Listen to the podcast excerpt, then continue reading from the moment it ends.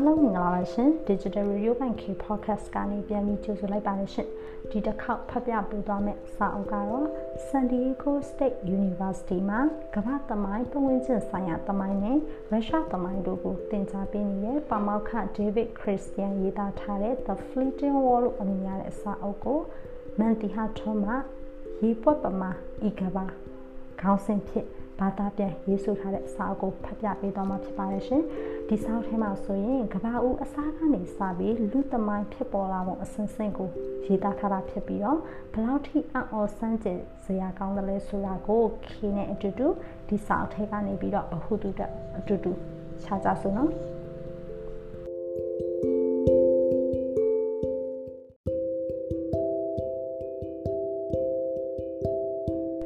ပနာမဇလံဏိဒံမတိုင်မီ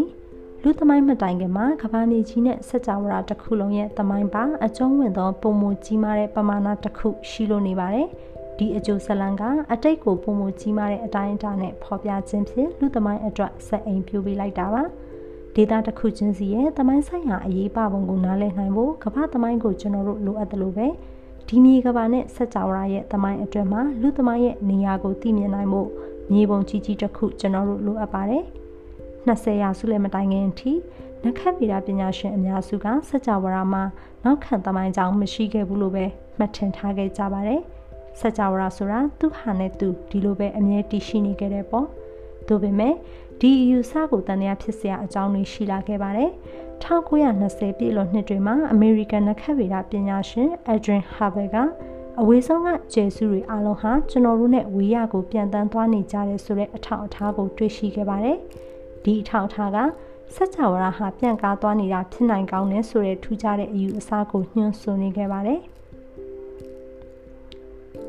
ဟုတ်ပြီ။ပြန်ကားသွားနေတာဆိုရင်စัจ java ဟာအတိတ်တုန်းကဒီထက်ပိုပြီးသေးငယ်ခဲ့ရမှာပေါ့။ဝေးလာတဲ့အတိတ်တစ်ချိန်မှာအတန်တလုံးထပ်တောင်ပိုပြီးသေးကောင်းသေးအောင်မဲ့နေရာလေးတစ်ခုထဲမှာထိုးသိပ်ထည့်ထားခံခဲ့ရတာဖြစ်ရမယ်။20ရာစုလယ်အရောက်မှာအထောက်အထားတွေလုံလုံလောက်လောက်စုစည်းမိလာပြီးတော့ အထက်ကပြောသလိုတကယ်ဖြစ်ခဲ့တာပါဆိုတဲ့အချက်ကိုနခက်ပြပညာရှင်အများစုကယုံကြည်လာခဲ့ပါတော့တယ်။တကယ်တော့လူသားတွေတည်တာလျင်တမိုင်းကြောင်းရှိတာမဟုတ်ပဲကဘာမြေမှာလည်းတမိုင်းကြောင်းရှိသလိုစัจ java ကြီးတစ်ခုလုံးအနေနဲ့လည်းတမိုင်းကြောင်းရှိမှန်အဖြေပေါ်သွားခဲ့ပါတယ်။20ရာစုလက်ကလေးကအဆိုပါသမိုင်းအကြောင်းကိုကျွန်တော်တို့ပြောပြလာနိုင်ခဲ့ကြပြီးလူသမိုင်းဟာပုံမကြီးကျယ်ပြီးတော့သိပ္ပံနီးကြတဲ့ဖန်ဆင်းခြင်း ပုံမြင်တစ်ခုရဲ့အစိတ်အပိုင်းဖြစ်တယ်ဆိုတာကိုသိရှိလာကြပါတယ်21ရာစုဦးမှာကျွန်တော်တို့နားလည်ခဲ့တဲ့အတိုင်းလူသမိုင်းမတိုင်ခင်အကျိုးဇလံကစัจ java ရဲ့ပုံမကြီးမားတဲ့ဇလံကြောင်းကိုအချင်းချုပ်ပြောပြပါပါတယ်။လွန်ခဲ့တဲ့နှစ်73.8ဘီလီယံမှာစัจ java ဟာနခတ်ဗီဒပညာရှင်တွေ The Big Bang လို့ခေါ်တဲ့နေရာကနေစတင်ပေါ်ပေါက်လာခဲ့ပါတယ်။ ဒါဟာတမိုင်းနေဆွဲအလုံးရဲ့ပထမဆုံးနေဆွဲပဲဖြစ်ပါတယ်။ The Big Bang မတိုင်ခင်ကဘာရှိခဲ့တယ်လဲဆိုတာတော့ကျွန်တော်တို့မသိပါဘူး။အချိန်ဒါမှမဟုတ်အာကာသဒါမှမဟုတ်ဗလာဟင်းလင်းပြင်ရှိခဲ့သလားဆိုတာကျွန်တော်တို့မသိပါဘူး။ဒါနဲ့ပတ်သက်လို့ကတော့သတင်းအချက်အလက်တွေ theory တွေမရှိသေးပါဘူး။ သို့တော်လည်းစัจ java စတင်ဖြစ်တည်လာတဲ့အခိုက်အတန့်ကစလို့ဇက်ကြောင်းကိုခေတ်သိပ္ပံပညာရဲ့ပင်မအယူအဆများနဲ့ကိုင်းညီအောင်ပုံမှုများပြားလာတဲ့အထောက်အထားတပုံတပင်ကြီးအပေါ်အခြေခံကကျွန်တော်တို့ပြောလာနိုင်ခဲ့ပါပြီ။စတင်ပေါ်ပေါက်လာချိန်ကစัจ java ဟာအတမ်တလုံးထပ်ပင်သေးကောင်းသေးအောင်မဲ့အရွယ်လောက်သာရှိခဲ့နိုင်ပါတယ်။သူထဲမှာကျွန်တော်တို့ရဲ့လောကကြီးကိုဖွဲ့တည်ပေးမယ် drop စွမ်းရည်အလုံးပါဝင်နေခဲ့ပါတယ်။ သို့သောစัจ java ဟာအပူချိန်ဘီလီယံနဲ့ရှိပြီးတိတ်ကိုပူလွန်းတော့ drug စွမ်းအင်အမှုံများအာကာသနဲ့အရှိန်ဆိုတာတွေအလုံးဟာရုံးမွေထားသလိုဖြစ်နေခဲ့တဲ့အားနဲ့အင်းနဲ့ပောက်ကွဲသွားပြီးတဲ့အခါစัจ java ဟာဝုံဝုံတိုင်းတိုင်းနဲ့ကိုပြန်ကားလာခဲ့တာအလင်းရဲ့အလျင်ထက်တောင်မြန်ပါလေအောင်မယ်ပြန်ကားလာချိန်မှာပဲအပူချိန်လျော့ပြီးတော့အေးလာနေတယ် ရေငွေကငွေယူဖွဲပြီးနောက်ဆုံးမှရေဖြစ်သွားတယ်လို့ပဲစัจ java ဟာလည်းအေးလာတာနဲ့အမျှအသွင်ပြောင်းလဲခြင်းဖြစ်စဉ်တစ်ခုကိုဖြတ်တန်းသွားနေခဲ့ပါတယ်။ဖြစ်တည်ပြီးပထမဆုံးစက္ကန့်အတွင်းမှာမတူတဲ့အားတွေပေါ်ပေါက်လာခဲ့တယ်။အရာဝတ္ထုတွေကိုဆွဲနိုင်တဲ့ drop ဆွဲအားနဲ့စန့်ကျင်ဘက် drop တွေကိုဆွဲငင်ပြီးတူညီတဲ့ဓာတ်တွေကိုတွန်းကန်စေတဲ့လျှက်စစ်တန်လိုက်ဆက်ကွင်းတို့ပါဝင်ပါတယ်။ drag ရဲ့အရှိခံ quack တွေလည်းပေါ်လာခဲ့ပါတယ်။ ဒါပေမဲ့အစမှစကြဝဠာဟာဝေယုံသုံးကားနိုင်လုံးတော့အမှုန့်တွေအများစုဟာဖြစ်ပေါ်လာပြီးပြီးချင်းမှာပဲအရှင်းရှင်းဖြက်စီးပြလိုက်ကြပြီးစွမ်းရင်စစ်စစ်အဖြစ်သို့ပြောင်းလဲသွားပါတယ်။ပထမဆုံးစက္ကန့်မဆုံးခင်မှာပြန်ကားတဲ့အချိန်ကနေသွားပါတယ်။စကြဝဠာအတွင်းမှာအခုကျွန်တော်တို့သိနေတဲ့အရာဝတ္ထုတွေပါဝင်ပြီးသားဖြစ်နေပါတယ်။ဒီထဲမှာ drop အတန်တိုင်းအတွက်အရှိခံဖွဲ့စည်းမှုဖြစ်တဲ့ proton တွေ electron တွေနဲ့စွမ်းရည်ရဲ့အရှိခံအသွင်အနည်းဆုံး၄မျိုးပါဝင်ပါတယ်။စကြဝဠာဟာအခုနေရဲ့ဗဟိုထက်ကိုပိုပူနေသေးပြီးတော့စွမ်းအင်နဲ့လျှက်စစ်ဓာတ်ဆောင်အမှုန်တွေဗျံပဒရောနေတဲ့ plasma နဲ့ဖွဲ့စည်းထားပါတယ်။နှစ်3သိန်း8000လောက်ကြာပြီးတဲ့အခါနောက်ထပ်အသွင်ပြောင်းလဲခြင်းတရက်ဖြစ်ပေါ်လာခဲ့ပါတယ်။လျှက်ဖို့ဓာတ်ဆောင် proton တွေကလျှက်မှဓာတ်ဆောင် electron တွေကို ဖမ်းယူနိုင်လောက်အောင်စကြဝဠာဟာအေးလာခဲ့ပြီးပထမဆုံးအတမ်တွေဖွဲ့တည်လာခဲ့ပါတယ်။ဒီအတမ်တွေဟာလျှက်ဖို့လည်းမဟုတ်လျှက်မှလည်းမဟုတ်ကြတဲ့အတွက် drug ဟာလျှက်စစ်တန်လိုက်ရောင်ခြည်နဲ့ W ကရုပ်ချီရက်ဆိုင်သွားခဲ့ပါတယ်။စကြဝဠာရဲ့သမိုင်းမှာဒီအခိုက်အတန့်ကထုတ်လွှတ်ခဲ့တဲ့စွမ်းအင်ကို cosmic background radiation CBR အဖြစ်ယနေ့တိုင်တွေ့နိုင်ပါသေးတယ်။ CBR ကိုရုပ်မြင်သံကြားဆက်အဟောင်းများအပေါ်မှာရုပ်သံလိုင်းများပြီးဆုံးချိန်ပြုတ်ထနေတဲ့လှုပ်ရှားမှုအဖြစ်တွေ့မြင်နိုင်ပြီးသူ့ရဲ့တည်ရှိမှုကအခုပြောနေတဲ့စကြဝဠာဇက်ကြောင်းဟာမှန်ကန်ကြောင်းခိုင်မာတဲ့အထောက်အထားတစ်ခုဖြစ်ပါတယ်။ဒီအဆင့်မှာ drug ဟာအယိုးရှင်းဆုံးပုံသဏ္ဍာန်တွေနဲ့ရှိခဲ့ပါတယ်။ drug အများစုကိုမျောလွင့်နေတဲ့ hydrogen နဲ့ helium အတန်များနဲ့ဖွဲ့စည်းထားပါတယ်။ hydrogen အတန်ဟာ proton တစ်လုံးနဲ့ electron တစ်လုံးပါဝင်ပြီး helium အတန်ကတော့ proton နှလုံးနဲ့ electron နှလုံးပါဝင်ပါတယ်။နှစ်တန်ပေါင်းများစွာကြာအောင်ကနဦးစကြဝဠာလေးဟာ hydrogen နဲ့ helium အတန်များပါဝင်တဲ့တိမ်ထူးကြီးများအနေနဲ့သာရှိခဲ့ပါတယ်။ကျယ်ရီမရှိသေးတော့ဖြတ်တန်းစီးဆင်းနေတဲ့စွမ်းအင်ဒူကြီးကလာတဲ့မှိန်ပြပြအလင်းရောင်လေးကသာစက်ကြဝဠာကိုထွန်းညှိပေးနေခဲ့ပါတယ်။ဒီနောက်တော့ ခေတ်သစ်ဖန်ဆင်းခြင်းပုံမြင်မှာအံ့ဩပနံအဖြစ်အဆုံးအလှည့်အပြောင်းတွေကတခုမှအကြောင်းအရာတွေကပုံမရှုပ်ထွေးလာခဲ့ပါတယ်။ပထမဆုံးပေါ်လာတဲ့ရှုပ်ထွေးသောအရာတွေကတော့ဂျယ်ရီပါပဲ။ပထမဆုံးသောဂျယ်ရီရဲ့ဘီတူကာကတော့ drug ဆွဲအားဖြစ်ပါတယ်။18ရာစုမှာ Isaac Newton သက်သေပြခဲ့သလို drag ရဲ့အစိတ်အပိုင်းတိုင်းကတခြားအစိတ်အပိုင်းတိုင်းကိုဆွဲအားတစ်ခုတက်ရောက်နေပါတယ်။ ဒါကြောင့်မို့ကျွန်တော်တို့ကဘာမြေပေါ်ကနေလိမ့်မကြပဲတွေ့ကပ်နေတာပေါ့။20ရာစုမှာ Albert Einstein သက်သေပြခဲ့တဲ့ drag နဲ့စွမ်းအင်ဟာတူညီသောအခြေခံအနှစ်အသားတစ်ခုရဲ့မတူညီတဲ့အသွင်သဏ္ဍာန်များသာဖြစ်တယ်ဆိုတဲ့အချက်ကြောင့်စွမ်းအင်မှာလည်းဆွဲအားရှိပါတယ်။ဆိုတော့ကနဦးဆက်ချောင်ရာထဲမှာစွမ်းအင်နဲ့ drug အစိတ်အပိုင်းတစ်ခုစီကတခြားအစိတ်ပိုင်းတစ်ခုစီကိုညင်သာတဲ့ဆွဲအားတစ်ခုတက်ရောက်နေခဲ့ပါတယ်။ ဆွဲအားကမျောလွင့်နေတဲ့ hydrogen နဲ့ helium atom တိမ်တိုက်ကြီးတွေကိုတဖြည်းဖြည်းနဲ့ဆွဲယူရမှာဘီလီယံနဲ့ရှိတဲ့တိမ်တိုက်တွေဖြစ်လာခဲ့ပြီးသူတို့ဟာ drug ဆွဲအားရဲ့အောက်မှာကျုံဝင်လာနေပါတယ်။ကျုံလာတာနဲ့အမျှပို့ပို့ပူလာခဲ့ပါတယ်။တိမ်တွေကအတမ်တွေရဲ့ရွေးလျားမှုဟာပိုမြန်လာပြီးအရှင်းရှင်းကြမ်းကြမ်းတန်းတန်းတိုးတိုင်မိကြပါတယ်။နောက်ဆုံးတိမ်တစ်ခုချင်းစီရဲ့ဗဟိုကအပူချိန်ဟာ 10ဒီဂရီဆဲလ်စီယပ်ကိုရောက်လာတဲ့အခါဟိုက်ဒရိုဂျင်အတမ်တွေအရှင်းရှင်းပေါင်းစည်းလာကြပါတယ်။ပေါင်းသွားတာနဲ့အတူအတမ်တွေကနေစွမ်းအင်စစ်စစ်အဖြစ်သို့အသွင်ပြောင်းသွားခဲ့ပါတယ်။ဒီလိုပေါင်းစည်းခြင်းဟာဟိုက်ဒရိုဂျင်ဘုံတစ်လုံးအတွင်းမှာဖြစ်ပျက်တာနဲ့အတိအကျကိုတူပါတယ်။တိမ်တစ်ခုစီရဲ့ပခုံးမှာဒီဟိုက်ဒရိုဂျင်ဘုံအကြီးစားကြီးတွေကနေထုတ်လွှတ်တဲ့စွမ်းအင်ဟာ dress ဆွဲအားကိုစမ်းကျင်ပြီးတိမ်တွေကြားကအေးနေတဲ့နေရာလွတ်ထဲကိုရှန့်ကျ စီးထွက်လာပါတယ်။ဒါဟာစကြဝဠာဖြစ်တည်ပြီးနှစ်သန်း200လောက်အကြာမှာပထမဆုံးကျယ်ရီမွေးဖွားခဲ့ပုံပါပဲ။ကျွန်တော်တို့ရဲ့နေမင်းကြီးလိုပဲကျဲအများစုဟာနောက်ထပ်2ဘီလီယံပေါင်းများစွာဆက်လက်လောင်ကျွမ်းနေပါလိမ့်အောင်မယ်။ dress ဆွဲအားရဲ့တိမ်မွေးတဲ့လွန်ဆွဲမှုအောက်မှာဂျယ်ရီဟာကျဲစုများအဖြစ်သို့စုစည်းမိသွားကြပါတယ်။ကျွန်တော်တို့ရဲ့ငကငွေတန်းကျဲစုလိုပဲကျဲစုများဟာ ကျဲပေါင်းဘီလီယံနဲ့ရှီပါဝင်ပြီးတော့ကျဲစုကြီးများစွာကထပ်မံပေါင်းစည်းမိတဲ့အခါကျဲစုဆိုင်ကြီးတွေအဖြစ်ဖွဲ့စည်းလာခဲ့ပါတယ်။တတိတ်ကြီးမားတဲ့အတိုင်းအတာနဲ့ဆိုရင်တော့ drug ဆွဲအားကစက်ကြောရာရဲ့ပြန်ကောင်းမှုကိုတံပြန်နိုင်လောက်အောင်အားမကောင်းလာတဲ့အတွက်ကျဲစုဆိုင်ကြီးတွေကို drug ဆွဲအားကဆွဲထိန်ထားတော့လေသူတို့ကြားကကွက်လက်ကစက်ကြောရာပြန်ကောင်းမှုနဲ့အတူကျဲပြန်လာခဲ့ပါတယ်။ dressing အသစ်တွေဖွဲ့စည်းခြင်းအပြင် Jerry ဟာရှုပ်ထွေးမှုပုံစံသစ်တစ်ရပ်ကိုမွေးဖွားပေးလာခဲ့ပါတယ်။အကြီးဆုံး Jerry ကဖိအားအများဆုံးထုတ်လွှတ်တဲ့အတွက်အပူဆုံးဖြစ်လိရှိပါတယ်။သူတို့ရဲ့ဗဟိုချက်မှာပေါင်းစည်းတပြုတ်မှုတွေဟာမြန်မြန်ဆန်ဆန်ကြီးဖြစ်ပေါ်လာခဲ့က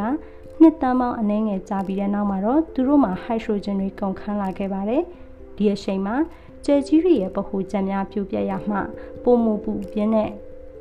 အပူချိန်ကိုထုတ်လွှတ်ခဲ့ရာဟီလီယမ်အတန်တွေပေါင်းစည်းမိပြီးပိုရှုပ်ထွေးတဲ့ကာဗွန်ကဲ့သို့ dressing တွေဖွဲ့စည်းလာသည့်တိုင်အောင်ပြိုပြက်နေခဲ့ပါတယ်။ဒီလိုဗျံပတ္ထပြိုပြက်မှုများထောက်လျှောက်ဖြစ်တဲ့ဖြစ်စဉ်မှာ nucleus မှာ proton 26လုံးပါတဲ့တန် dressing အထိ dressing အသစ်များကိုဖန်တီးပေးခဲ့ပါတယ်။ proton များမှာပါဝင်တဲ့ dressing တွေဖြစ်တည်ဖို့ဘလောက်ကြီးတဲ့ကြယ်မျိုးကမှမထုတ်လုပ်ပြီးနိုင်တဲ့အပူချိန်မျိုးကိုလိုအပ်ပါတယ်။သို့သောကြယ်ကြီးတစ်လုံးပြိုပြက်တဲ့အခါ supernova လို့ခေါ်တဲ့ ER မှာပောက်ကွဲမှုကြီးအတွင်းမှာတည်ဆုံသွားပါတယ်။ဒီနေရာဟာ periodic table ကကျန်တဲ့ dressing တွေဖွဲ့တည်နိုင်တဲ့နေရာပါပဲ။ nucleus မှာ proton 26လုံးပါတဲ့ uranium အထိတောက်လျှောက်ပေါ့ ဆိုတော့ကကျွန်တော်တို့ကိုဖွဲ့စည်းထားတဲ့ဓာတုပစ္စည်းတွေကိုကြယ်ကြီးတွေရဲ့တည်အံ့မှုမှုဝေဒနာတွေကနေထုတ်လုပ်ပေးထားတာပါစူပါနိုဗာတွေကဓာတုဗေဒကိုဖြစ်တည်စေခဲ့ပါတယ်သူတို့မရှိရင်ကျွန်တော်တို့လည်းရှိမှာမဟုတ်ကဘာမြေလည်းရှိမှာမဟုတ်ပေဘူး Big Bang ကြီးအပြီးနှစ်ပေါင်း1ဘီလီယံလောက်အတွင်းမှာပထမဆုံးသောစူပါနိုဗာတွေပွင့်ထွက်ခဲ့ကြတာဖြစ်နိုင်ပါတယ်။ အဲ့ဒီအချိန်ကလေးကစူပါနိုဗာတွေဟာဂျယ်ရီရဲ့ဂျာကနေရာလက်ကိုပုံမှုရှုပ်ထွေးတဲ့ dressing တွေနဲ့ဖြန့်ကျဲပေးနေခဲ့တာပါဒီအခိုင်မှာဟိုက်ဒရိုဂျင်နဲ့ဟီလီယမ်တို့ကစက်ကြောရာထဲမှာအများဆုံးရှိတဲ့ dressing တွေဖြစ်နေသေးပေမဲ့အရှား dressing တွေကလည်းတိတိတတ်တာစုပုံလို့လာနေပါပြီ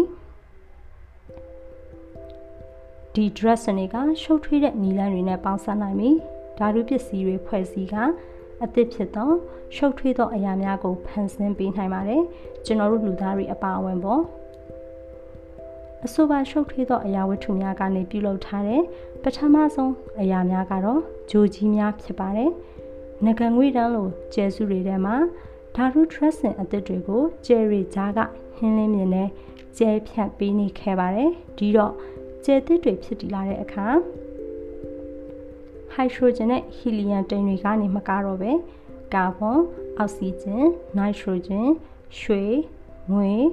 ယူရေနီယံနဲ့တကယ်တော့ periodic table က dressing တွေအားလုံးပါဝင်တဲ့တိမ်တွေကနေပါဖြစ်တည်လာခဲ့တာဖြစ်ပါတယ်ဒီလိုတိမ်လိုက်တစ်ခုကနေကျွန်တော်တို့ရဲ့သူရိယနေမင်းကြီးဟာလွန်ခဲ့တဲ့နှစ်4.5ဘီလီယံခန့်ကဖွဲ့စည်းပေါ်ပါလာခဲ့ပါတယ်။ ဒီတိမ်တိုက်ကို solar nebula လို့ခေါ်ပါတယ်သူက troposphere အောက်မှာကျုံဝင်လာကအလဲမှာ hydrogen atom တွေပေါင်းစုလာပြီးတော့နေလို့ကျွန်တော်တို့ခေါ်တဲ့ကြယ်ကြီးဖြစ်ပေါ်လာတာပါ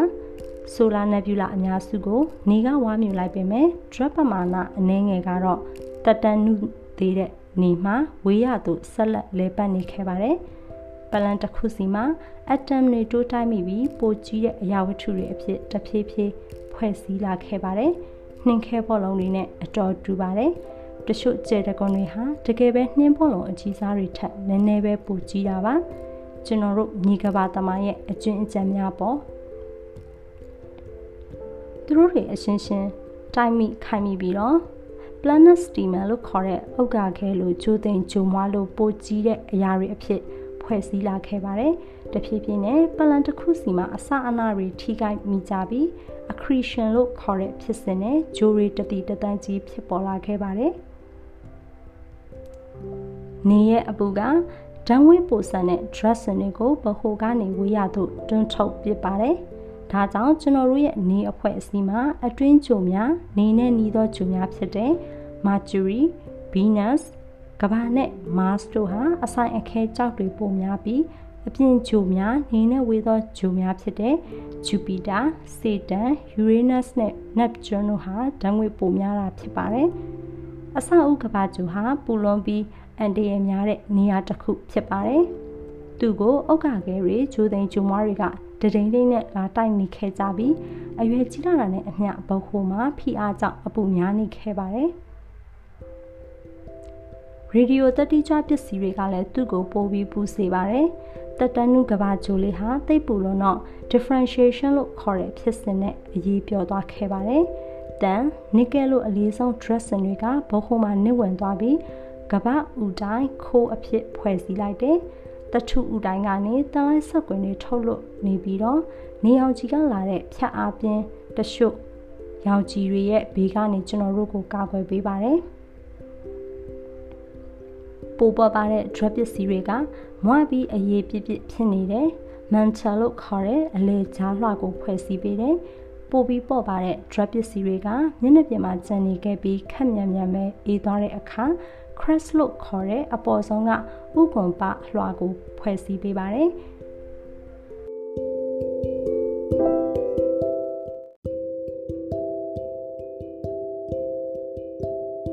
မျက်နှာပြင်အလွှာကမိုင်အနေငယ်သာအနက်ရှိပါတယ်။ အားလုံးထဲမှာအပေါ့ပါဆုံး drug ပစ္စည်းတွေကတော့ဓာတ်ငွေတွေပါပဲ။သူတို့ကမီတောင်တွေရှိရာကမ္ဘာမြေမျက်နှာပြင်ကိုပလုံစီဖြတ်တက်လာပြီးတော့ပထမဆုံးသောလေထုကိုဖွဲ့စည်းပေးခဲ့ပါတယ်။ကမ္ဘာချိုသမိုင်းရဲ့ပထမဆုံးနှစ်တန်း900ကို Hayden သို့မဟုတ် Hellish Kill လို့ခေါ်ပါတယ်။ကဘာကပူနေခဲ့ပြီးဂျိုးသိန်းတွေကတဝုံဝုံလာတိုက်တာကိုခံနေခဲ့ရပါတယ်။လေတူးကလည်းလွတ်လပ်သောအောက်ဆီဂျင်မရှိသေးပါဘူးဆိုတော့ ဘာသက်ရှိမှမရှင်သန်နိုင်တဲ့အရှိအနေပါသို့ပေမဲ့ကဘာကတဖြည်းဖြည်းအေးလာပါတယ်နောက်ဆုံးမှာတိမ်ထူးကြီးတွေအဖြစ်နဲ့ကဘာကိုလဲပတ်နေတဲ့ရင်ငွေတွေကကဘာမျက်နှာပြင်ပေါ်စတင်ရကြလာပြီးပထမဆုံးသမုတ်တရားများကိုဖြစ်ပေါ်စေခဲ့ပါတယ်ဒီအစောဆုံးသမုတ်တရားများအတွင်မှာရှုပ်ထွေးဆန်းပြမှုအသစ်တစ်ခုစတင်ဖြစ်ပေါ်လာခဲ့တာသိချသလောက်ပါပဲ အရေးအသွင်နဲ့ရေဟာဓာတုတပြုခြင်းများအတွက်တိတ်ကောင်းတဲ့ပတ်ဝန်းကျင်တစ်ခုကိုဖန်တီးပေးပါတယ်လေထဲမှာအတမ်တွေကရွေ့လျားတာမြန်လွန်းတော့အရှင်းရှင်းပေါင်းဆက်ဖို့မလွယ်ဘူးအဆိုင်ခဲရီထဲမှာကြတော့လေအတမ်တွေကရွေ့လျားမှုမရှိသလောက်ဖြစ်နေရော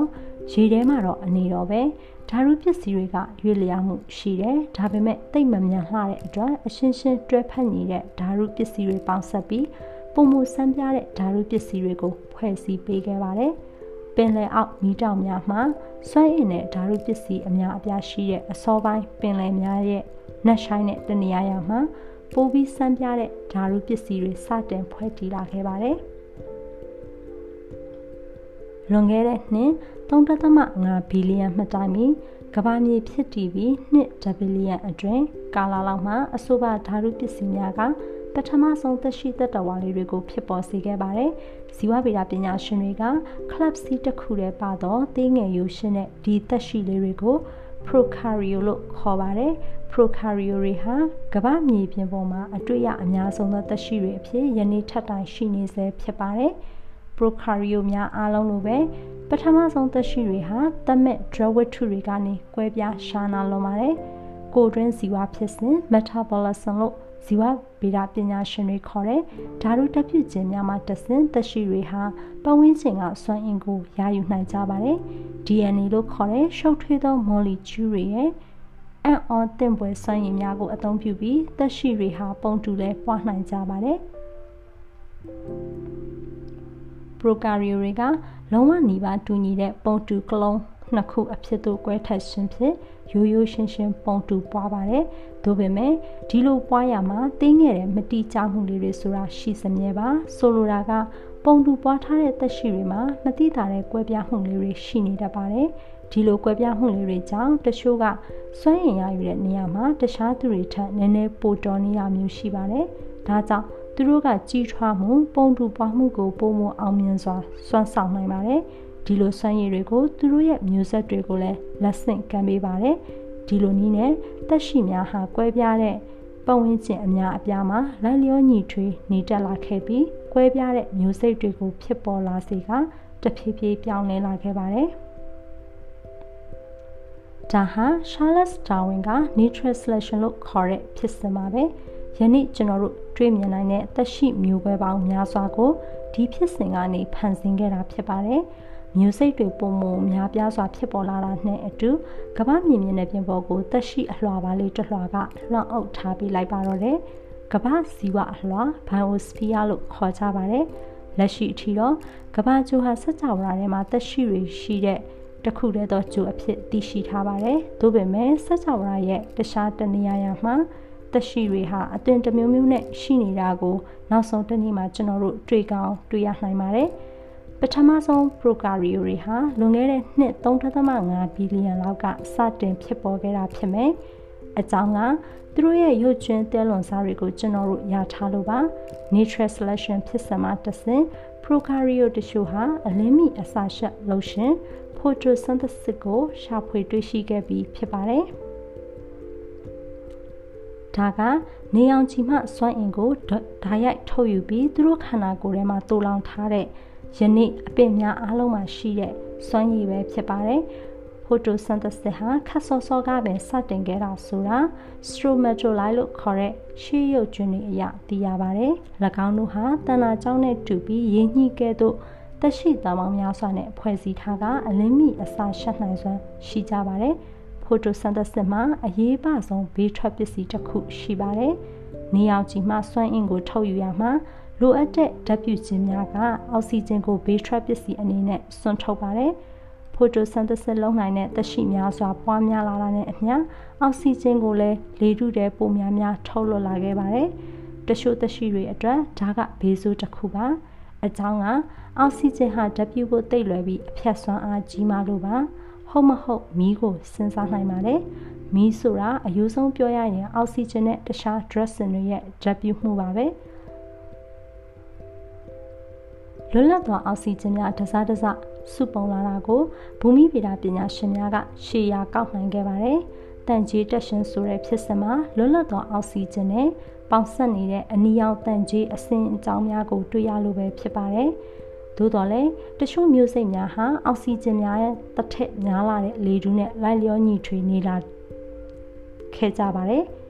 တချို့ကတော့အောက်ဆီဂျင်အက်တမ်တွေရဲ့မြင့်မားတဲ့စွမ်းအင်ကိုအသုံးချပြီးသူတို့စီဝါဖြစ်စဉ်တွေကိုစွမ်းအင်ထောက်ပံ့ပေးထပ်လာခဲ့ကြပါတယ်။ဒီလိုနည်းနဲ့ပထမဆုံးယူကာရီယိုတွေဟာလွန်ခဲ့တဲ့နှစ်2ဘီလီယံလောက်က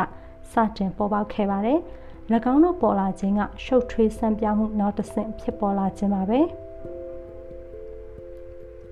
prokaryote တွေလိုပဲ eukaryote များဟာ class တစ်ခုထဲမှာရှိတဲ့သက်ရှိတွေဖြစ်ပါတယ်။ သို့သော prokaryote များထပ်ပိုမိုကြီးမားတဲ့သူတို့ရဲ့ DNA ကိုဗဟို nucleus ထဲမှာထည့်သိမ်းထားပါတယ်။ဒါကြောင့်သူတို့မျိုးပွားတဲ့အခါပိုပြီးတိတိကျကျပွားစေနိုင်တာပဲဖြစ်ပါတယ်။တချို့ယူကာရီယိုတွေက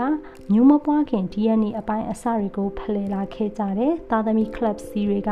မိနဲ့ဖ club C နှစ်ခုစလုံးစီကအရေးအသွေးတွေမျှဝေရရှိတယ်လို့ဆိုလိုတာပါ။ဒါဟာမျိုးပွားခြင်းအသွင်သစ်တစ်ခုရဲ့ဏ္ဍာန်ပါပဲ။ sexual reproduction လို့ခေါ်ပါတယ်။ sexual reproduction ကအမျိုးအစားပုံမစုံလင်မှုကိုဖြစ်စေပါတယ်။အကြောင်းကသားသမီးတွေဟာမိဘတအူးနဲ့ထပ်တူထပ်မျှတူညီမှုဘယ်တော့မှမရှိကြလို့ပါ။အကျိုးဆက်အဖြစ် natural selection ရဲ့အရှိန်ကပိုပြီးညံဆန်လာခဲ့ပါတယ်။ဒါကြောင့်ပဲကမ္ဘာကျိုးသမိုင်းရဲ့နောက်ဆုံးဘီလီယံနှစ်များအတွင်းမှာ အမျိုးစုံလည်လာတဲ့သက်ရှိတွေဟာရခင်ရခင်ထက်ပိုမိုမြန်ဆန်စွာတိုးပွားလာခဲ့ဟန်တူပါတယ်။ကမ္ဘာစီဝါလွှာသမိုင်းရဲ့အထင်ကရအပြောင်းအလဲတွေထဲမှာအရေးအပဆုံးတစ်ခုကတော့လွန်ခဲ့တဲ့နှစ်သန်း600လောက်မှာပထမဆုံးဘဟုကလပ်စီဖွဲ့သက်ရှိများ multi-core multi-cell organism ပေါ်ပေါက်လာခြင်းမှာ Eddie Cranke နောက်ပြီးတော့ Cambrian ခင်များစီကတာမန်မျက်စိနဲ့ပင်ထင်ထင်ရှားရှားမြင်နိုင်တဲ့ ကြီးကြီးမားမားကြောက်ဖြစ်ရုပ်ကျွန်းတွေရုပ်တရက်ဆိုသလိုပေါ်ထွက်လာပါတယ်။သက်ရှိအများစုဟာ club C တစ်ခုထဲမှာပါတဲ့ prokaryote နဲ့ eukaryote တွေအဖြစ်ရှိနေသေးပေမဲ့အဲ့ဒီအချိန်ကစလို့ရုပ်ချင်းပညာရှင်တွေဟာ club C များစွာပါတဲ့သက်ရှိတွေပေါ်ပေါက်လာမှုကိုရှေ့ရခံလို့ရခဲ့ပါတယ်။ဒီလိုသက်ရှိတွေဟာဘီလီယံနဲ့ရှိတဲ့ eukaryote club C တွေနဲ့ဖွဲ့စည်းထားပါတယ်။ club C တွေအများကြီးကလုပ်ငန်းဆောင်တာတွေကိုစုပေါင်းဆောင်ရွက်ကြပြီးတတဝါတစ်ခုရဲ့လို့ဖြစ်ပေါ်လာခဲ့ပါတယ်။ဒီပေါ်ပေါက်မှုဟာစံပြရှုပ်ထွေးမှုအဆင့်တစ်ခုရဲ့စမှတ်ပါပဲ။အစပိုင်းမှာတော့ club C များစွာပါဝင်တဲ့သက်ရှိတွေဟာပင်လယ်ထဲမှာနေခဲ့ကြတာပါ။သို့ပေမဲ့လွန်ခဲ့တဲ့နှစ်တန်း900လောက်မတိုင်မီမှာတရှုတရှိတွေဖြစ်နိုင်တာကအစောပိုင်းအပင်တွေနဲ့ insect တွေဟာကုန်းမြေပေါ်သို့တက်လှမ်းစူးစမ်းလာခဲ့ကြပါတယ် ဒီကိစ္စကတိတ်မလွယ်ကူလှပါဘူးအကြောင်းကရေထဲမှာစင်ကဲဖြစ်ပေါ်ခဲ့ကြတဲ့သူတို့ဟာဇီဝကမ္မဖြစ်စဉ်နဲ့မျိုးပွားမှုအတွက်ရေကိုလိုအပ်လိုပါဒါကြောင့်ယနေ့ခေတ်ကုန်းတရဝါများအားလုံးကဲ့သို့စောစောကတက်ရှိတွေဟာသူတို့ကိုယ်တွေကဓာရုဖြစ်စဉ်တွေကိုကာကွယ်ဖို့ special အရေးပြားတွေသူတို့သားသမီးတွေကိုကာကွယ်ဖို့ဥလိုမျိုးပုံမစမ်းပြတဲ့အကာအကွယ်တွေကိုဖန်တီးလာခဲ့ကြပါတယ် ဒီအချိန်ကအစလို့ကြီးမားတဲ့သက်ရှိမျိုးစိတ်တွေတန်ပေါင်းများစွာပေါ်ပေါက်လာခဲ့ပါတယ်အရေးအတွက်လည်းတိုးပွားလာခဲ့ပါတယ်ပြီးတော့မျိုးသုံးကုန်ကြပြန်တဲ့ဒီထဲမှာအစောဆုံးကုန်းနီရည်နေတတဝါတွေဒိုင်နိုဆောတွေနဲ့ပထမဆုံးနိုတိုက်တတဝါတွေပါဝင်ပါတယ်မျိုးစိတ်တွေထောင်ပေါင်းများစွာသို့မဟုတ်တန်ပေါင်းများစွာပြတ်သုံးတဲ့အချိန်ရုတ်တရက်အပြောင်းအလဲတွေဖြစ်တဲ့ကာလတွေရှိခဲ့တဲ့ဆိုတာကျွန်တော်တို့သိလာရပါပြီ တခါတလေမှာဒီလိုမျိုးသုံးတဲ့ဖြစ်ရက်တွေဟာနေအဖွဲ့အစည်းအတွင်းလှည့်ပတ်သွားလာနေစေဖြစ်တဲ့ဂျိုမွားတရှို့ကကဘာကိုလာတိုက်မိခြင်းကြောင့်ဖြစ်ခဲ့တာပါဒီလိုတိုက်မိခြင်းဟာနျူကလ িয়াস စစ်ပွဲမျိုးနဲ့အလားတန်တူပါလိမ့်မယ်။အေယာမဖုန်တုတိမ်တိုက်ကြီးတွေဖြစ်ပေါ်စေပြီးနေကိုလာပေါင်းများစွာနှစ်ပေါင်းများစွာမမြင်နိုင်အောင်ဖုံးအုပ်နေခဲ့မှာဖြစ်တယ်လို့အပြင်းလာတဲ့ဆူနာမီတွေလည်းဖြစ်ပေါ်စေခဲ့ပါလိမ့်မယ်။ လွန်ခဲ့တဲ့နှစ်65တန်းလောက်ကဖြစ်ခဲ့တဲ့ဒိုင်နိုဆောမျိုးစိတ်တွေအများစုမျိုးတုံးသွားခဲ့မှုဟာဂျိုးသိန်းတစ်ခုကကဘာကိုဝင်တိုက်သွားခြင်းကြောင့်ဖြစ်နိုင်စရာရှိပါတယ်။အစောဆုံးနူးတိုက်တတဝါတွေဟာအရွယ်သီးငယ်ခဲပုံရပြီးကြွက်ဆုံတဲ့ဆင်တူတဲ့တွင်းအောင်တတဝါမျိုးဖြစ်ဟန်ရှိပါတယ်။သူတို့ရဲ့အရွယ်သီးငယ်မှုနဲ့ညာဘက်မှာရှင်သန်လှုပ်ရှားတတဲ့တဘာဝကြောင့်ဂျိုးသိန်းတွေကဘာကိုဝင်ဆောင်တဲ့အခါကြီးမားတဲ့ဒိုင်နိုဆောတွေထပ်ဆိုင်ရင် သူတို့ကရှင်သန်ကြံရစ်ဖို့ပိုဆွမ်းနိုင်ခဲ့တာဖြစ်ပါလိမ့်မယ်။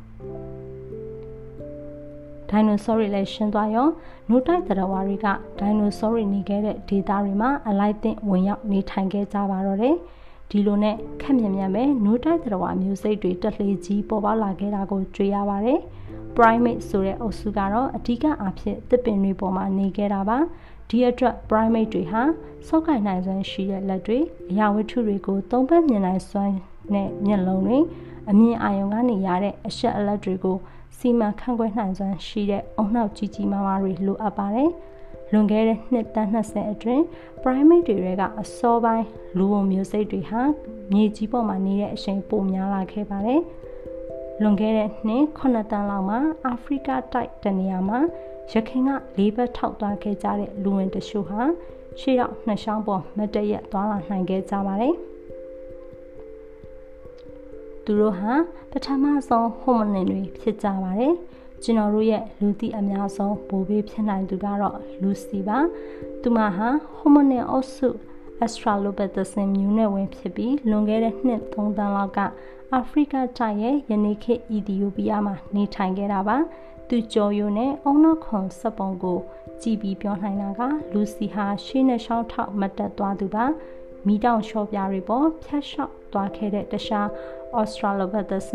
နှစ်ယောက်ရဲ့ရှေးရာကြောက်ဖြစ်ရုပ်ချင်းကိုလည်းမနုဿကြောက်ဖြစ်ရုပ်ချင်းပညာရဲ့ရှေးဆောင်လမ်းပြပညာရှင်တဦးဖြစ်တဲ့ Marie Leakey ကရှာဖွေတွေ့ရှိခဲ့ပါတယ်။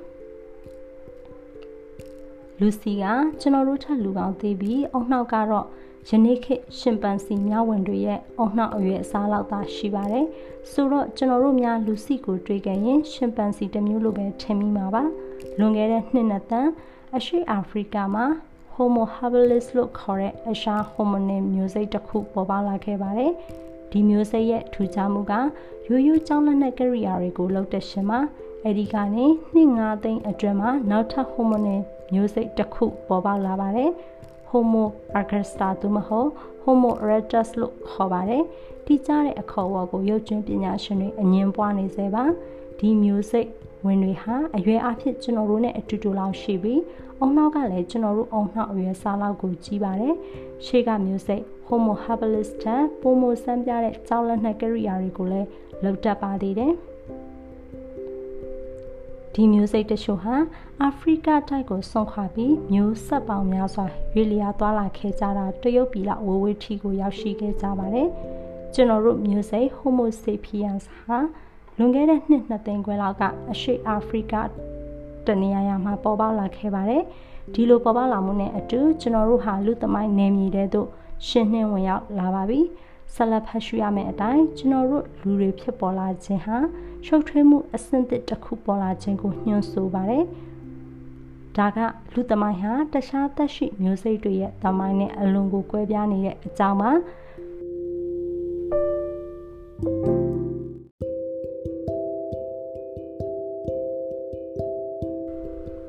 အခန်းကျကနဦးအစများဖော်ရာဂျာရိုဤခင် လိုအပ်တဲ့အစားအစာနဲ့တခြားအရာတွေကိုလေယာစိုက်ပျိုးခြင်းကနေမဟုတ်ဘဲအမဲလိုက်ရှင်နဲ့လှည့်လည်ရှာဖွေစားခြင်းဖြင့်ရယူစားသုံးတဲ့လူတွေကို forager လို့ခေါ်တာပါသူတို့တွေကို hunter gatherer လို့လည်းခေါ်ပါတယ်ဒီကာလကိုတော့ကြောက်ခေဟောင်းလို့ခေါ်ပါတယ် forager ရဲ့ခေဟာလူသမိုင်းရဲ့ပထမဆုံးနဲ့တက်တန်အကြဆုံးခေဖြစ်ပါတယ်လူသမိုင်းရဲ့အရှိကအုံမြင့်တွေစတင်အရှိတည်ခဲ့တဲ့ကာလလည်းဖြစ်ပါတယ်စားဖို့ နေဖို့ဝတ်ဖို့နဲ့ဒလိရိုးရာကိစ္စတွေအတွက်လိုအပ်တဲ့အရင်အမြင့်တွေကိုသူတို့ကလိုက်လံရှာဖွေတယ်အများအဖြစ်တော့သူတို့ရဲ့ပတ်ဝန်းကျင်ကိုပြုပြင်ပြောင်းလဲဖို့မကြိုးစားဘဲနဲ့ရရရှာဖွေပြီးပဲနေထိုင်ခဲ့ကြပါတယ်သူတို့အရှင်းရှင်းကြားမှာနဲ့ပတ်ဝန်းကျင်နဲ့ပတ်သက်ဆက်ဆံတဲ့နေရာမှာ forager တွေဟာလူဝင်တွေလိုတခြားမျိုးစိတ်တွေနဲ့အပေါ်ယံအဖြစ်တူညီတဲ့ဘဝနေထိုင်ပုံတွေရှိပေမဲ့သူတို့ရဲ့ တမှုထူးတဲ့ဒလေးနဲ့အတတ်ပညာဆိုင်ရာဖန်တီးမှုစွမ်းရည်ကသူတို့ရဲ့လူမှုနေထိုင်ပုံကိုကွဲပြားသွားစေပါတယ်။လူသားတွေသာလျင်သင်္ကေတသုံးဘာသာစကားနဲ့အရှင်းရှင်းဆက်သွယ်ပြောဆိုတတ်တာပါဘာသာစကားက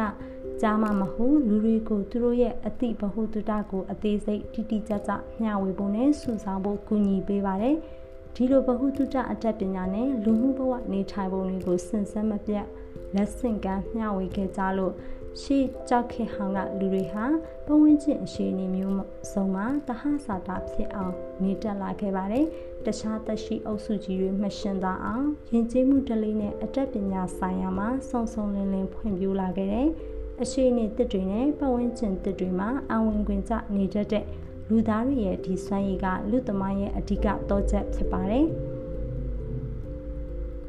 သိရသလောက်တော့အစောဆုံးလူသားတွေဖြစ်တဲ့ forager ရဲ့ခေတ်ကလွန်ခဲ့တဲ့နှစ်ပေါင်း2သိန်းခွဲကနေစတင်ပါတယ်။ဒီအချိန်ဟာကျွန်တော်တို့ Homo sapiens လူမျိုးနွယ်ကဘာပေါ်မှာစတင်ပေါ်ပေါက်လာတဲ့အချိန်လည်းဖြစ်ပါတယ်။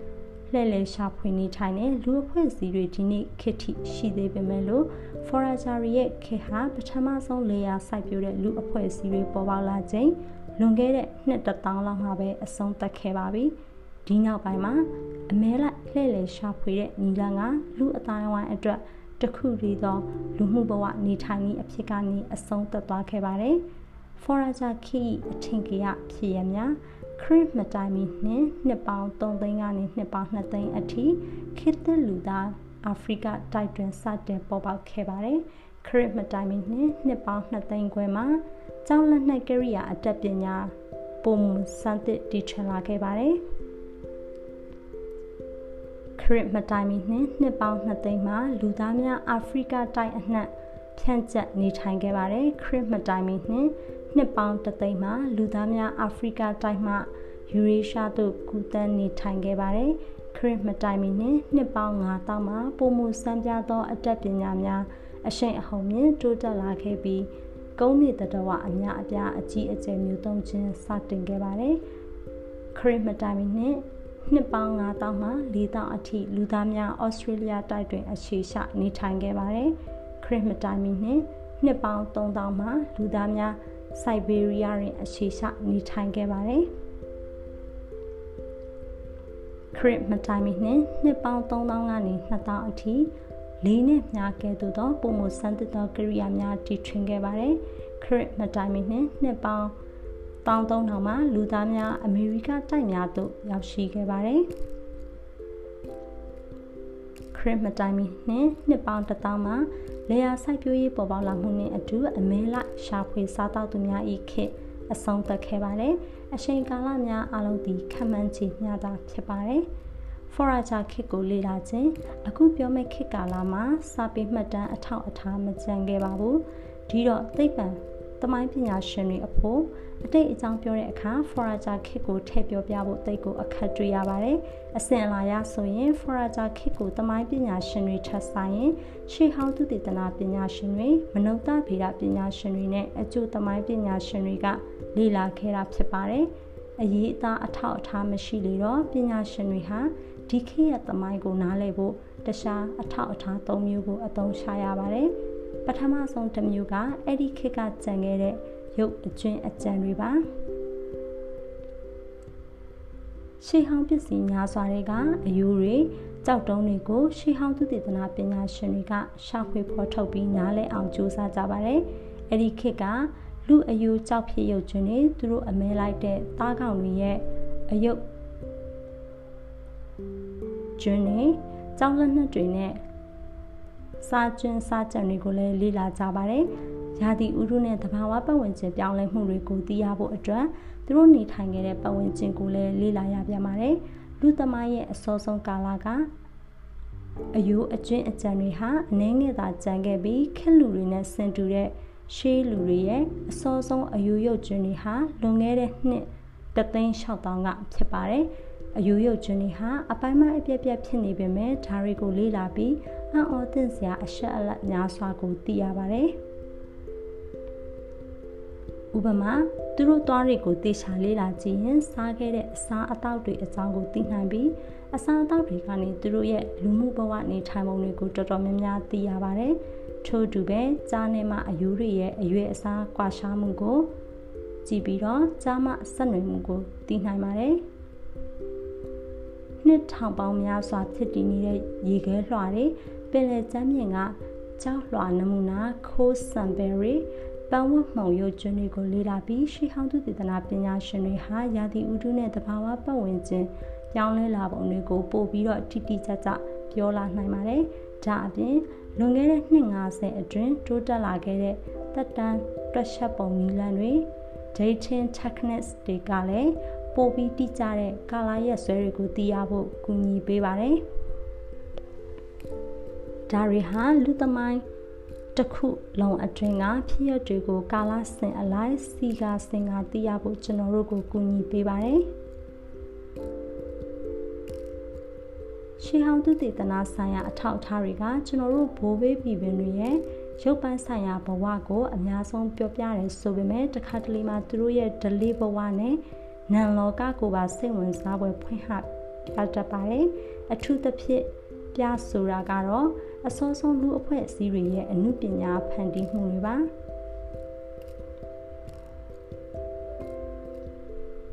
ပြင်သစ်ပြည်တောင်ပိုင်းနဲ့စပိန်ပြည်မြောက်ပိုင်းကဂူနေရန်ပကြီးတွေဟာဆိုရင်ဖြင့်ကျွန်တော်တို့အနေနဲ့အတိတ်ပဲတိတိကျကျဖော်ထုတ်ဖို့ခက်ခဲနေသေးတဲ့ရှေးဟောင်းအမှုပညာလက်ရာတွေပဲဖြစ်ပါတယ်။ဒုတိယအထောက်အထားကတော့ယနေ့ခေတ် forager တွေကိုလေ့လာခြင်းပါပဲ ဒီလိုနှိုင်းရှင်လေ့လာရမှာသတိထားရမှာကတော့ခေတ်သစ် forager ရဲ့ဘဝဟာယနေ့ခေတ်ရဲ့လွှမ်းမိုးမှုများစွာကိုအနေနဲ့အများခံရတော့ရှေးခေတ် forager နဲ့လုံးဝအောက်တုံထပ်တူမညီနိုင်မှုဆိုတဲ့အချက်ပါသို့တော်လည်းယနေ့ခေတ် forager ရဲ့လူမှုဘဝနေထိုင်ပုံတွေကိုလေ့လာပြီးတော့ forager လူအဖွဲ့အစည်းတွေရဲ့အခြေခံဘဝပုံစံတွေကိုကျွန်တော်တို့နားလည်နိုင်ပါတယ်။အနည်းင ယ်သောဇာသမညပစ္စည်းအထောက်အထားတွေအပေါ်မှာအတိတ်ပဲဖော်ထုတ်နိုင်မှုဒီလိုလေ့လာမှုတွေကအကျိုးသမားပညာရှင်တွေကိုကူညီပေးပါတယ်။မကြသေးခင်ကမှအသုံးချလာတဲ့တတိယအထောက်အထားကတော့ခေတ်သစ်မျိုးပိစကွာရှားမှုတွေကိုနှိုင်းယှဉ်လေ့လာခြင်းအပေါ်မှာအခြေခံပါတယ်။ဒီနည်းကခေဦးလူသမိုင်းကိုလေ့လာတဲ့နေရာမှာ နီလအသစ်တွေရစေပါတယ်မျိုးပိစာလေ့လာမှုတွေကယနေ့ခေတ်လူမျိုးပေါင်းစုံကြားမှာမျိုးပိစာကွာခြားမှုအတိုင်းအတာကိုဆုံးဖြတ်ပြီးနိုင်ပါတယ်ကျွန်တော်တို့မျိုးစိတ်ရဲ့တက်တန်ကိုခံမနိုင်သလိုရှေ့ကရွှေ့ပြောင်းနေထိုင်မှုကြောင့်လူမျိုးတွေကွဲပြားသွားခဲ့ကြတဲ့အချိန်ကိုလည်းခံမှန်းတွက်ချက်နိုင်ပါတယ်။ဒီထောက်ထား၃မျိုးကိုစာနဲ့မှတ်တမ်းတင်ထားတဲ့ကမ္ဘာသမိုင်းနဲ့ ညီညွတ်အောင်ပေါင်းစပ်ဖို့ကခက်ခဲပါတယ်အကြောင်းတစ်ခုကသမိုင်းပညာရှင်အများစုမှာဒီလိုလုပ်ဖို့လိုအပ်တဲ့ကျွမ်းကျင်မှုနဲ့လေ့ကျင့်မှုမျိုးမရှိကြလို့ပါနောက်တစ်ခုကကျွမ်းကျင်သမိုင်းပညာရှင်အများစုအဓိကထားပြီးအခြေပြုလေ့လာကြတဲ့အရေးအသားမှတ်တမ်းတွေစီကရတဲ့အရှက်အလက်တွေနဲ့ရှေးဟောင်းသူတေသနာမနုဿဗေဒနဲ့မျိုးပိစလေးလာမှုကရတဲ့အထောက်အထားတွေဟာ ကွဲလဲနေတဲ့အတွက်ကြောင့်လည်းဖြစ်ပါတယ်။အရေးအသားမှတ်တမ်းတွေလိုပုဂ္ဂိုလ်ရေးရအသေးစိတ်ကိစ္စတွေကိုမပြောပြနိုင်ပေမဲ့လည်း Forager ခေတ်ကရှေးဟောင်းသူတေသနာအထောက်အထားတွေဟာအဲ့ဒီအချိန်ကလူတွေဘယ်လိုနေထိုင်ခဲ့ကြတယ်ဆိုတာကိုတော့အများကြီးပြောပြနိုင်ပါတယ်။မတူညီတဲ့လေ့လာနည်းတွေကရတဲ့အသည့်တွေကိုပေါင်းစည်းရတဲ့အလောက်ကကမ္ဘာသမိုင်းရဲ့အကြီးမားဆုံးအခက်အခဲတွေကတစ်ခုပါ ဒီအခက်အခဲက forager ရဲ့ခေတ်ကိုလေ့လာတဲ့နေရာမှာတက်တက်ကြီးကိုရင်ဆိုင်ရတော့တာပါပဲ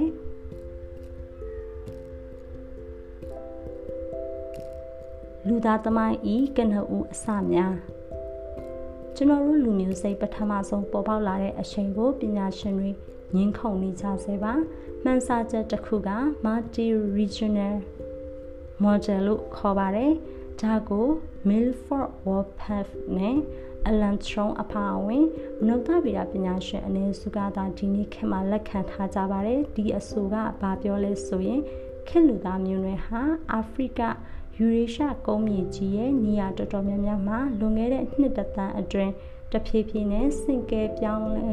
ဖြစ်တည်လာခဲ့ကြတာပါတဲ့အချိန်ကြာလာတဲ့နဲ့အမျှမတူညီတဲ့နေရာတွေကရှေးဦးလူသားတွေဟာမျိုးဗီဇတွေပြောင်းလဲသွားခဲ့ကြတယ်ဒါကြောင့် လူဆိုတဲ့တူးသီးသောမျိုးရင်းဒူဒီတိုင်းယနေ့ခေတ်မှာဒေတာအလိုက်လူမျိုးတွေကွဲပြားနေတာပါဒီ multi regional model ကလူသမိုင်းဟာလွန်ခဲ့တဲ့နှစ်တသန်းအတွင်းတစ်ချိန်ချိန်မှာတဖြည်းဖြည်းစတင်ခဲ့တယ်လို့ဆိုပါတယ်ဒီအဆိုအတွက်အထောက်အထားတွေကိုအယိုးရုပ်ခြင်းနှိုင်းရှင်လေ့လာမှုတွေကနေအဓိကအားဖြင့်ရရှိပါတယ်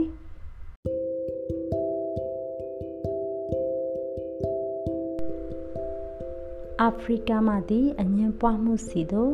Out of Africa လို့တည်ကြတဲ့ဒုတိယအယူအဆကတော့ခေတ်လူတွေရဲ့မျိုးဗီဇနှိုင်းရှင်လေ့လာမှုအပေါ်အဓိကမိခိုးပါတယ်ဒီအဆိုကအယိုးရုပ်ကျွင်အထောက်အထားတွေနဲ့လည်းကညီတယ်လို့ဆိုပါတယ်ခေတ်လူတွေဟာအရှင်းရှင်းမျိုးဗီဇအဖြစ်အလွန်ပဲတူညီတာကိုတွေ့ရတော့သူတို့ဟာ နှစ်ပေါင်း2သိန်းခွဲထက်ကျော်လွန်ပြီးတော့စင်ကဲပြောင်းလဲမှုဖြစ်ခဲ့တာမဟုတ်ဘူးလို့ဆိုပါတယ်ဒီအဆိုအရာခေတ်လူတွေအလုံးဟာလွန်ခဲ့တဲ့နှစ်2သိန်းခွဲလောက်ကနေထိုင်ခဲ့ကြတဲ့ဘိုးဘေးတချို့စီကနေ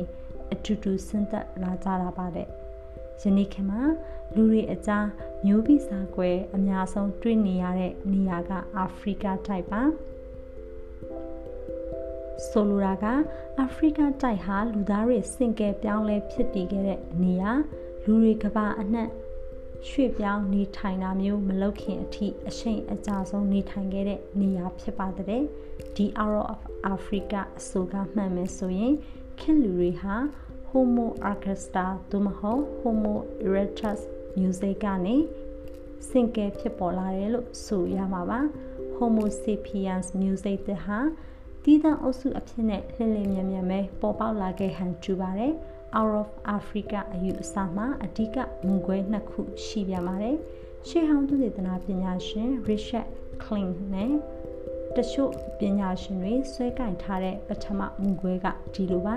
ခေတ်လူတွေဟာလွန်ခဲ့တဲ့နှစ်ပေါင်း2သိန်းခွဲလောက်ကအာဖရိကမှာစင်ကဲဖြစ်ပေါ်လာခဲ့တဲ့ဆိုပေမဲ့အမဲလိုက်အတက်နဲ့အမှုပညာဆိုင်ရာတက်ကြွမှုတွေလိုထူးခြားတဲ့ လူအမှုအကျင့်တွေ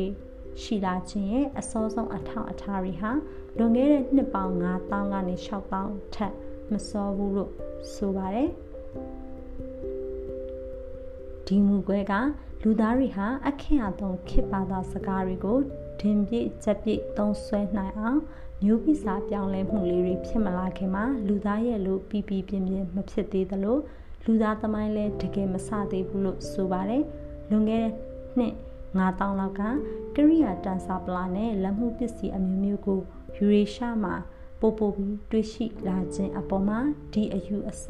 မူကွဲကအရှိခံပါတယ်။ Out of Africa အယူအဆကိုထောက်ခံသူတချို့ကမကြသေးခင်ကအထက်ပါမူကွဲကိုညှင်းချက်ထုတ်ပါတယ်ပထမမူကွဲကပြောတယ်အပြောင်းလဲတွေကိုပုံကြီးရှဲ့တယ်လို့ဖြစ်နေတာကပညာရှင်တွေဟာ ရှေးဟောင်းသူတည်တနာလုပ်ငန်းတွေကိုခေတ်လူသားရဲ့မွေးရမြေလို့ယူဆထားကြတဲ့အာဖရိကမှာထက်ယူရေရှားမှာပိုလို့ဖြစ်နေတဲ့အချက်ကြောင့်ပါတဲ့အာဖရိကတိုက်ကနေရတဲ့ရှေးဟောင်းသူတည်တနာအထောက်အထားတွေကို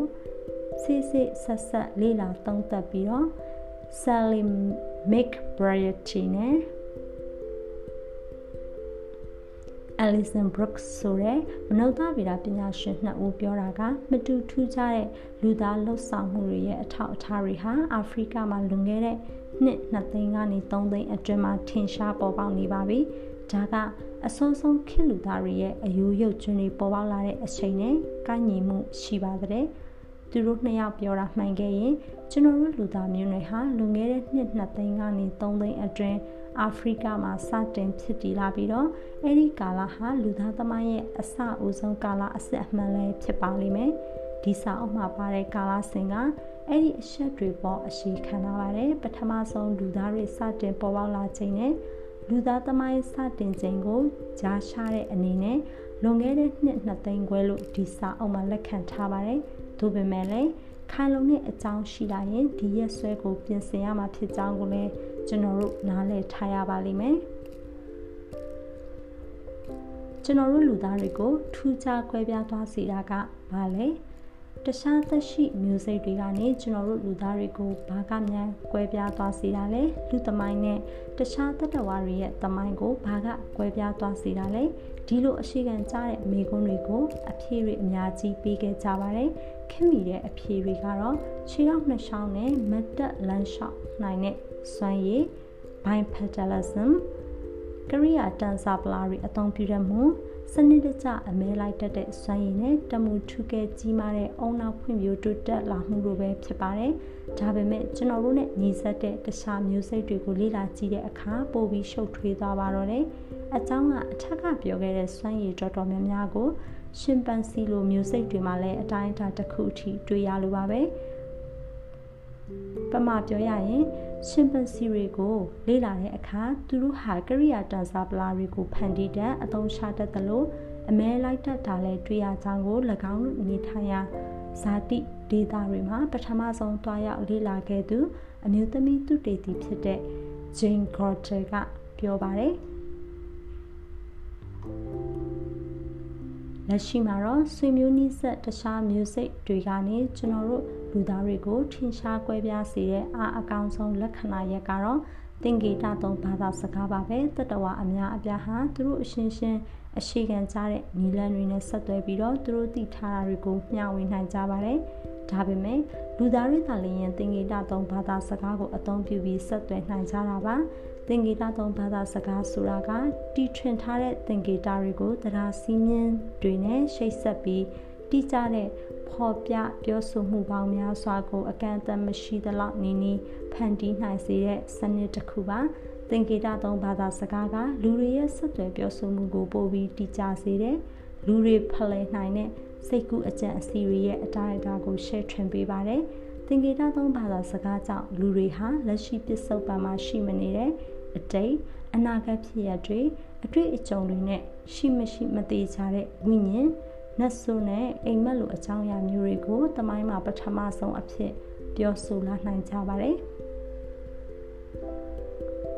လူသားချင်းဆက်သွယ်တဲ့ဤစနစ်တွေဒီလိုတမဟုတ်ရှင်ပုံမူတိကျထိရောက်ကျေပြန့်လာတဲ့အကျိုးဆက်ကတော့လူတွေဟာသူတို့သင်ယူလေ့လာထားတာတွေကိုတခြားသူတွေနဲ့ပိုပြီးမျှဝေ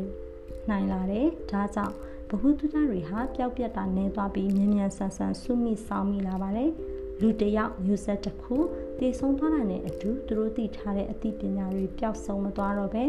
နောက်မျိုးဆက်တွေကိုလက်ဆင့်ကမ်းပေးလာနိုင်ပါတယ်။အကျိုးဆက်အနေနဲ့မျိုးဆက်တိုင်းဟာရှိကမျိုးဆက်တွေစုဆောင်းထားတဲ့အသည့်ဗဟုသုတတွေကိုအမွေဆက်ခံရရှိလိုက်ပါတယ်။ဗဟုသုတတွေတိုးပွားလာတာနဲ့အမျှနောက်နောက်မျိုးဆက်တွေဟာဒါတွေကိုအသုံးချပြီးသူတို့ပတ်ဝန်းကျင်ကိုနီလန်အသစ်တွေနဲ့ပြုပြင်ပြောင်းလဲလာတွေလုပ်နိုင်ကြပါတယ်။ ကဘာပေါ်ကတခြားသက်ရှိတွေဟာသူတို့မျိုးစိတ်တစ်ခုလုံးမျိုးဗီဇပြောင်းလဲတော့မှသာသူတို့ရဲ့နေပုံထိုင်ပုံအမှုအကျင့်တွေကိုတိတိတတ်တာပြောင်းလဲနိုင်ပါတယ်။သူတို့တွေနဲ့မတူပဲလူသားတွေကတော့မျိုးဗီဇပြောင်းလဲတာကိုစောင့်နေစရာမလိုပဲနဲ့နေပုံထိုင်ပုံအမှုအကျင့်တွေကိုသိတာထင်ရှားစွာပြောင်းလဲနိုင်ပါတယ် collective learning ပေါင်းစည်းသင်ယူမှုလို့ခေါ်တဲ့ဒီဖြစ်စဉ်က ပြောင်းလဲနေတဲ့ပတ်ဝန်းကျင်နဲ့အခြေအနေတွေအရလိုက်လျောညီထွေစွာပြောင်းလဲနိုင်တဲ့လူတွေရဲ့ထူးထူးကဲကဲစွမ်းရည်နဲ့လူသမိုင်းရဲ့သူမတူတဲ့အပြောင်းလဲကိုလည်းရှင်းပြနိုင်ပါတယ်တတလောကမှာအပြောင်းလဲရဲ့အခြေခံမောင်းနှင်အားဖြစ်တဲ့သဘာဝအရရွေးချယ်ခြင်း natural selection ကိုလူသမိုင်းမှာတော့ယဉ်ကျေးမှုဒလေးဆိုတဲ့မောင်းနှင်အားကကြော်ဖြတ်တတ်ခဲ့ပါပြီ လူသမိုင်းရဲ့ဟိုအစာကိုရှာဖွေမယ်ဆိုရင်ရှေးလူသားတွေရဲ့ရုပ်အကျဉ်းအကြံတွေကိုလေ့လာရုံတင်မကပဲသင်္ကေတသုံးဘာသာစကားဖြစ်တည်မှုနဲ့လက်မှုအတက်ကျွမ်းကျင်မှုတွေစုဆောင်းများပြားလာတဲ့အချက်တွေကိုပါရှေ့ရခံမှုလိုအပ်ကြောင်းအထက်ကကောက်ချက်တွေကညွှန်ဆိုပါတယ် Mick Bradley နဲ့ Brooks တို့ရဲ့တွေ့ရှိချက်တွေကကိုခန္ဓာဆေးရှယ်ရာမှာသုံးတဲ့ရောင်ချေမုံကြိတ်ထားခဲ့တဲ့သဲလွန်စားတွေလို သင်္ကေတအသုံးပြုမှုရဲ့အစောဆုံးအထောက်အထားတွေနဲ့ Homo habilis လူမျိုးစိတ်အသစ်ပေါ်ပေါက်လာချိန်မှာ Homo augusta ရဲ့ကြောက်အတက်ပညာ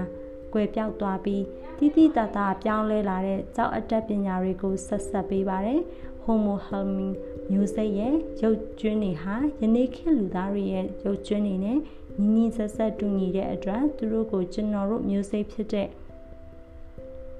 Homo sapiens စရင်သွင်းမယ်ဆိုရင်တော့ရကောင်းရနိုင်ပါတယ်ဒီလိုပြောင်းလဲမှုတွေအတွက်ခန္ဓာဗေဒအထက်ပညာနဲ့ဒလိဆိုင်ရာအထောက်အထားတွေကအာဖရိကတိုက်မှာတွေ့ရပြီးလွန်ခဲ့တဲ့နှစ်နှစ်သိန်းကနေ3သိန်းအကြားမှာပြောင်းလဲခဲ့ကြောင်းပြဆိုနေပါတယ်။